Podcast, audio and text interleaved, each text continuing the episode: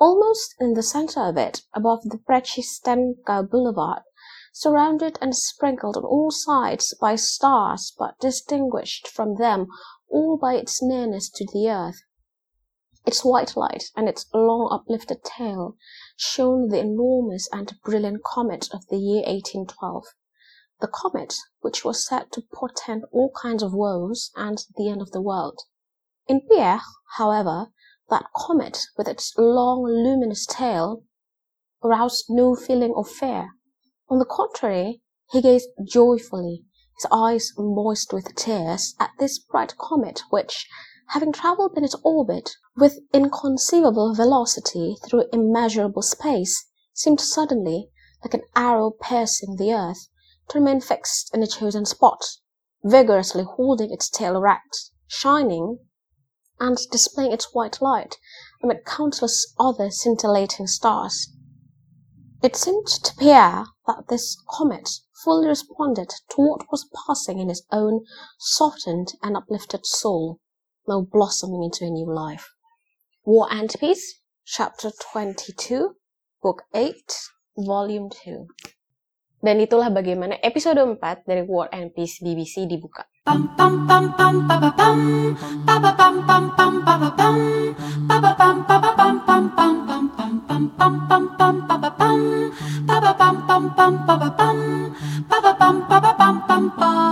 Hello, how's today been treating you? Kali ini kita udah masuk di episode keempat, which means basically kita udah melewati half season mark. Walaupun ini cuma satu season doang sih juga TV seriesnya. Jadi kutipan yang tadi gue baca di awal, uh, itu dari buku War and Peace-nya Leo Tolstoy buat kalian yang udah baca bukunya ataupun udah nonton musicalnya Pierre, Natasha, and the Great Comet of 1812, pasti udah tahu bahwa komet itu merupakan simbol momen ketika Pierre sadar kalau dia udah jatuh cinta sama Natasha. Dan di sini gue mau mengacungkan jempol uh, untuk para writer and creator dari uh, mini series War and Peace ini. Karena dengan keputusan mereka untuk memperkenalkan Pierre kepada keluarga Rostov lebih awal, itu membangun basis yang lebih kuat gimana Pierre pada akhirnya bisa jatuh cinta. Menyadari kalau dia selama ini in love sama Natasha. Scene pertama kita adalah Natasha yang lagi galau dan ini merupakan indikasi bahwa episode ini sentralnya adalah di Natasha. Jadi kalau gue mau bikin sedikit perbandingan dengan episode 3, di episode 3 shot pertama kita adalah Field of Snow dengan siluetnya Pierre.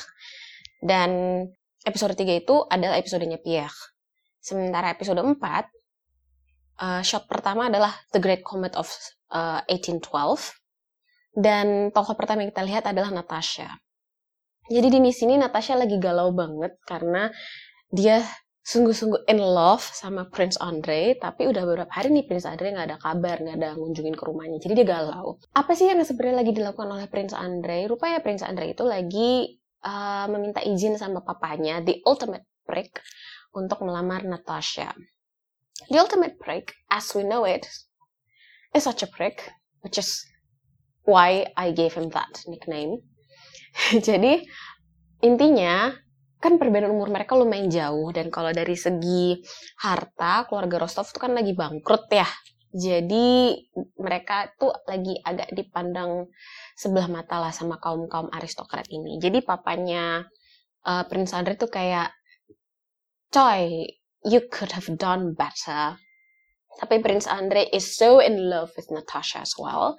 Jadi dia bilang tapi gue tetap pengen menikahi uh, Natasha jadi in the end si Ultimate Prick bikin bargain. Karena Prince Andre kan juga masih uh, cedera kan ya yang habis dia pulang dari perang itu. Jadi papanya bilang, yaudah gini deh, kasih gue satu tahun. Um, satu tahun supaya lu juga bisa berobat. Terus ya untuk memantapkan perasaan kalian lah. Dan to be honest, waktu gue baca bagian ini di buku, sesebel-sebelnya gue sama Ultimate Prick, I think it makes a very compelling argument. I don't know, correct me if I'm wrong. Tapi karena mungkin juga gue menyelipkan pemikiran gue dari segi abad ke-21 ke mereka yang hidup di abad ke-19. Cuman romance mereka kan cukup berjalan cepat kan ya. Nggak salah dong kita kasih waktu satu tahun untuk mematangkan uh, perasaan, terus juga sekalian untuk mematangkan perasaan mengetes kesetiaan. Why not? Jadi in the end Prince Andre setuju dan dia datang ke rumah keluarga Rostov. Dia bilang kalau ya intinya dia melamar Natasha lah kan. Tapi dia juga bilang kalau dia harus pergi dulu setahun untuk berobat dan itu syarat dari bapaknya, lalala dan lain sebagainya. Terus Natasha galau. Tapi karena dia pengen menikahi Prince Andre, jadi ya dia melakukan aja lah, dia ngikut aja lah ya satu shot dari scene ini ketika Prince Andre pergi dari rumah keluarga Rostov. Jadi nah uh, itu kan lagi di, tang di undak-undakan tangga. Natasha itu berdiri paling depan terus waktu kereta ya Prince Andre pergi, kita lihat di belakang Natasha itu ada sisi keluarga Rostov terus ada Pierre Don Nimpil. Gue sebenarnya berpikir kenapa ada Pierre ya, cuman ya udah lah ya mungkin biar lebih signifikan aja eksistensinya di situ. Pierre ini kayak suka nyelip di mana-mana. Nah, waktu Prince Andrew udah pergi satu persatu keluarga Rostov kan pada masuk lagi ke rumah, tinggal Natasha tuh yang berdiri di depan. Terus pihak orang terakhir yang masuk dan sebelum dia masuk dia sempat lingering ngeliatin Natasha sebelum dia yaudah akhirnya dia masuk ke dalam rumah gitu. Nah, jadi selama satu episode ini kita nggak terlalu banyak ngeliat Prince Andre karena um, kebanyakan kita bergolak uh, di kehidupannya Natasha. Terus abis itu kita masuk ke scene hunting. Gue sebenarnya agak surprise scene hunting ini bisa masuk. Because when I read the books, I mean it's a good one. Di bukunya itu adegan yang menunjukkan Nikolai udah lebih bertumbuh dari segi karakter. Uh, dan Natasha as the happy girl. Gue sempat ada baca review yang bilang kalau Natasha itu Little Miss Sunshine. Tapi di bagian, emang di bagian ketika mereka hunting inilah gue karakternya Natasha itu stole my heart lah ya. Jadi kita masuk ke bagian hunting dan gue sempat agak heran karena um, ketika shot pertama yang nongol itu lagi mataharinya lagi terang banget dan rumput-rumputnya warnanya hijau. I mean mereka masih pakai coat sih, cuman the book wanker in me pas nonton scene itu langsung heboh teriak-teriak it's supposed to be in the winter, it's supposed to be in the bloody winter. Jadi intinya um, pergolakan eh pertumbuhan karakter Nicola itu kan sebenarnya internal ya ketika dia uh, hunting ini. Jadi ini sebenarnya nggak terdeliver dengan cukup baik karena kita cuma sekedar ngeliat oh ya udah sekelompok uh, bangsawan lagi memburu seekor serigala. Terus habis itu um, kayaknya di situ scene ini cuma berfungsi untuk uh, menunjukkan concernnya Nikolai ke Natasha jadi Nicola itu bilang oh jadi sekarang lu udah engaged ya tapi kenapa engagementnya itu gak diumumin sih kenapa di kept secret gitu. Jadi nanti Niki kan emang nggak terlalu suka sama Prince Andre kan karena waktu mereka ketemu dulu istilahnya dia dibikin malu abis-abisan sama Prince Andre. The poor boy. Keluarga Rostov memang pemeran utama cuman gue sering ngerasa kalau dua karakter utamanya ini yang disodorkan depan muka gitu tuh spoiled little brats anyway terus Natasha tuh kayak well he's in love with me. Lo diem aja deh kalau nggak tahu apa-apa gitu kan. Jadi so that's there. The pointnya cuma ditunjuk uh, di sini tuh fungsinya cuma untuk menunjukkan concern Nikolai aja dan untuk bikin kita sebagai viewer juga hmm berpikir benarkah Prince Andre truly in love with Natasha? Kenapa pertunangannya dibikin rahasia ya? Gitu kan. Sebenarnya agak sayang sih cuman gue ngerti juga agak susah menunjukkan pertumbuhan karakter Nikolai dari scene itu doang dari sini nih kemudian kita maju ke enam bulan kemudian, which is in the winter, yang bikin gue makin bete karena harusnya hunting itu tuh di, di winter gue udah ngebayangin banget itu aduh itu sinematografi bakalan keren banget lagi di hutan Rusia bersalju tebal batu mereka hunting. Aduh it's it looked so good in my mind when I read it. Nah jadi terus pas di winter itu kan ceritanya mereka uh, mau Christmas and New Year terus keluarga Rostov ini spending time di rumah Uncle Mikhail yang dia tuh tinggal di, di pinggir hutan. Terus ya kita diperkenalkan juga sama Russian culture, the song, the dance, and etc. Dan terus abis itu ada satu part yang Natasha mendengarkan musiknya yang agak-agak ngebeat. Terus dia berdiri and then she started dancing. Terus ada Petya. Petya di sini udah gede loh by the way. Jadi Petya nanya ke bapaknya, kok Natasha tahu sih uh, dance itu terus bapaknya cuma komen it's in the blood waktu pas gue baca part ini di buku I didn't think of anything more cuman ini adalah awal dari hipotesis gue bahwa Natasha itu manic pixie girl dari abad ke-19 versi Russian aristocrat. Why? Karena karakteristik Natasha yang kita tahu itu dia adalah cantik, dia bisa nyanyi, she's always happy, she's charming, terus dia bisa membuat cowok-cowok feel better about themselves. I'm not against happy girls. And I'm not exactly an emo person, tapi really that's all the characteristic you can mention for a girl. Jadi eksistensi Natasha di sini cuma untuk make the male protagonist be better. Setelah dari sini tuh kemudian Nikolai kembali ke regimennya. Tapi sebelum dia kembali ke regimennya, uh, Nicola itu udah bonded sama Sonya. Jadi rupanya dia selama liburan dia menyadari bahwa dia sebenarnya jatuh cinta sama Sonya.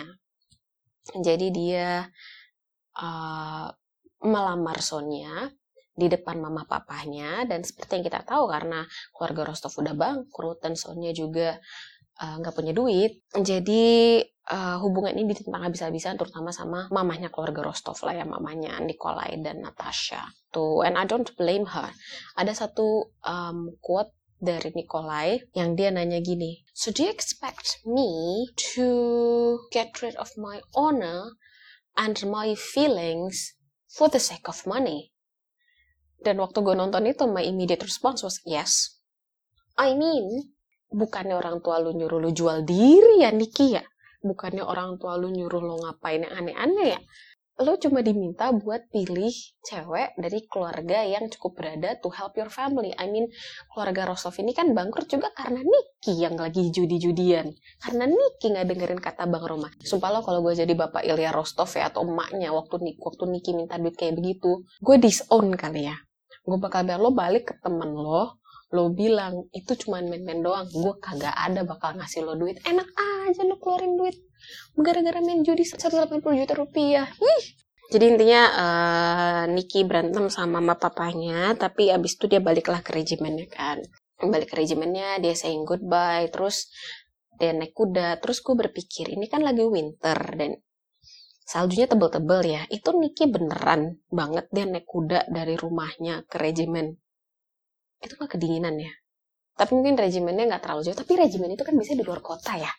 Masa dia naik kuda nonstop? Eh oh ya anyway. Terus uh, keluarga Rostov kan jadi ke Moskow lah ya abis itu. Uh, karena Natasha yang kayak plot yang udah kita tahu di buku jadi karena udah mau setahun dan Prince Andre kemungkinan udah bakal pulang juga jadi mereka nunggu di Moskow supaya lebih cepat ketemu. Nah waktu di Moskow itu ditunjukkan kalau bukan cuma keluarga Rostov yang ke estate mereka yang di situ, tetapi juga uh, keluarga Bolkonski.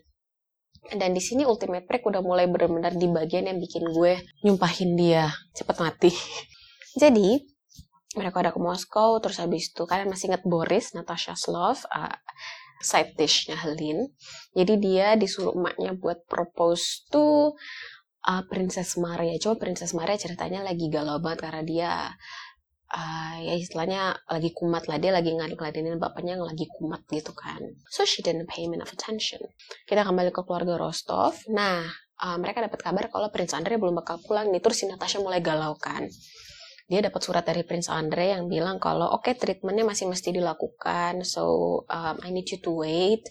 Um, send my regards to your family uh, and my love to yourself. Dan menurut gue aduh di sini lah ya kenapa be careful ketika lo menjalin hubungan dengan anak kecil. Natasha masih anak kecil karena dia langsung bete dapat surat itu dan selama Natasha ngomong itu gue cuman internally screaming stupid little brat. I mean seriously, dia lagi berobat dan menurut gue TV series yang memportray Prince Andre lebih simpatetik ya karena kalau di buku Prince Andre itu jalan kirim surat coy nggak ada kabar sama sekali dan suratnya juga cenderung dingin tapi di sini Prince Andre itu aktif dia nulis surat dia memaintain hubungan dengan Natasha like. terus habis itu um, mereka diajak nonton opera lah supaya nggak suntuk di rumah. Jadi Natasha ikut papanya nonton opera dan di situ dia ketemu sama Helene dan juga Anatole. Dan di sini kudos to the music team, I mean the composer for the soundtrack karena musiknya benar-benar bikin kita ikutan ngerasain nervousnessnya Natasha. Jadi plotnya seperti ini. Waktu ada di opera, Natasha diajak duduk di samping Helin dan Anatol ikutan ngedeketin dan intinya Anatol deket-deketin Natasha gitu lah. Terus Natasha got really nervous karena senang ada yang merhatiin. Plus sebelum ini kan dia sempat ngunjungin tuh rumahnya keluarga Bolkonski buat getting acquainted sama Princess Maria dan The Ultimate Break. Tapi yang seperti mungkin kita udah bisa tebak kalau uh, she didn't get the warmest welcome. Jadi intinya Natasha itu benar-benar lagi dikecewakan. Jadi ketika ada menhor macam Anatol yang giving her attention, she can't help it. Dan long story short, uh, jadi uh, Anatol ngajak Natasha kawin lari. And she accepted. The bloody bitch. Terus uh, Sonya tahu karena dia sempat baca suratnya terus dia udah berantem berantem berantem sama Natasha terus yang gue agak geli lagi karena Natasha berulang bilang but he loves me and I love him. I love him even more than present I mean bitch you don't love him you just want to have sex with him. Terus intinya Sonya uh, did the right thing. Yay Sonya dia mencegah Natasha kawin lari dengan Anatol terus uh, Natasha ngambek nangis-nangis terus Pierre datang oh enggak sebelum Pierre datang ke Natasha Pierre ngancam Anatol dulu dan di sini gue suka banget karena again we see the fury of Pierre and I really love it when he does the fury. Jadi Pierre ngamuk ke Anatol sampai anak itu kalau bisa mencut mencut kali ya Uh, dan Pierre suruh dia keluar dari Moskow because if he ever finds him in Moscow again he will kill him. Terus habis itu barulah Pierre ke Natasha. Terus Pierre bilang lo nggak bisa nikah Anatol karena dia udah punya istri. Terus di situ Natasha broke down dia nangis. Terus dia dipeluk sama Pierre and Pierre bilang it's alright. Kenapa Natasha nangis? Karena dia udah memutuskan pertunangannya dengan Prince Andre talk about being smart. Hooray! Yang paling bikin hati terpotek-potek adalah uh, kita ditutup dengan adegan Prince Andre yang udah kembali ke Moskow dan dia bilang dia udah gak sabar lagi untuk ketemu Natasha. Highlight dari episode ini, the music. Gue suka banget sama musiknya. Sinematografi of course masih cantik, cuman musiknya itu steps up the whole game gitu. Pada saat bersamaan gue juga mau menyorot actingnya Lily James. Gue suka banget sama Lily James. I think she's really adorable. Tapi mungkin gue berharap lebih kali ya. Atau mungkin materinya juga agak susah. Let's be fair. Cuman I can't feel sorry for Natasha. Waktu dia memutuskan engagement ini ada perbedaan antara buku dan TV series. Di buku Natasha sekedar kirim surat. Tapi kalau di TV show ditunjukkan Princess Maria itu datang ke rumahnya keluarga Rostov to personally apologize for the cold welcome they gave her and her father when they came to visit. And at that moment, Natasha bilang, well, the engagement is off. Bahkan Princess Mary sampai bilang, wow, we must have offended you deeply sampai lo memutuskan pertunangan kayak begini. Tapi Natasha tetap kekeh. Jadi we see that she was broken, but I didn't really feel the brokenness gue malah lebih ngerasain pergolakan batinnya Pierre. Padahal aturan episode ini adalah episodenya Natasha. Gitu. Jadi dan kenapa gue jadi ngepraise the music team? Karena moments ketika Natasha mulai um, terseduced oleh Anatol musiknya itulah yang membuat kita terbawa kalau cuman berterpaku, kalau cuman di anchor sama actingnya Lily James doang, gue rasa nggak akan terlalu efektif. Sebenarnya gue juga menyayangkan pemilihan uh, casting Callum Turner as Anatole. I mean, don't get me wrong, I think he's a gorgeous guy, tapi sebagai Anatole itu gue membayangkan cowok yang benar-benar devilishly handsome. Temen gue ngasih usul Ben Barnes karena dia gorgeous, tapi ada sisi cunningnya juga yang bikin dia jadi terasa berbahaya. Nah, Callum Turner ini, gue cuma dapat devilnya doang, not the bloody gorgeousness. Jadi ketika gue ngeliat Natasha terseduh sama Anatol dalam hati gue kayak, really? Girl, could have done better. Quote of the episode dari Pierre, If I find you in Moscow after midnight, I will kill you. Cara dia ngomongnya itu benar-benar send shivers to your body. Jadi episode 4 dari War and Peace. It's a difficult episode. Menurut gue episode 4 nggak sekeren episode 3. It's an important but difficult episode. Sekian review War and Peace untuk episode 4 kali ini. Jangan lupa untuk kunjungi blognya di www.act-n-co.com atau follow di Instagram dan Twitter. Terima kasih karena sudah mendengarkan. See you!